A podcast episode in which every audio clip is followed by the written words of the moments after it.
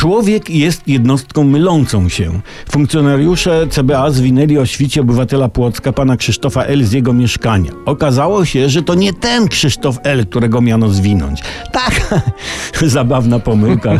Qui pro quasem font terrible, takie jak to mówią. Agentów CBA mogło zmylić to, tłumaczy ważny pan z CBA, że pan Krzysztof w momencie zatrzymania nie składał zażalenia na zatrzymanie. Nie wiem, jak było w Płocku, no jak ci agenci służb przebrani za szturmowców imperium wpadną o świcie do domu, walną cię o podłoże, to trudno składać zażalenia od zatrzymania z własnymi skarpetkami w gębie.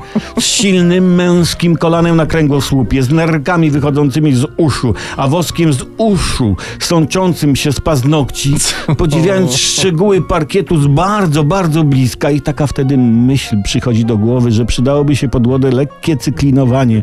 Szkoda, że się nie zdążyło przed śmiercią. Wstyd, a może panowie szturmowcy nie zauważą rys? No, na komendzie to... Figlarne nieporozumienie wyjaśniło się po kilku godzinach. Niewłaściwy pan Krzysztof został odwieziony do domu, właściwy pojmany.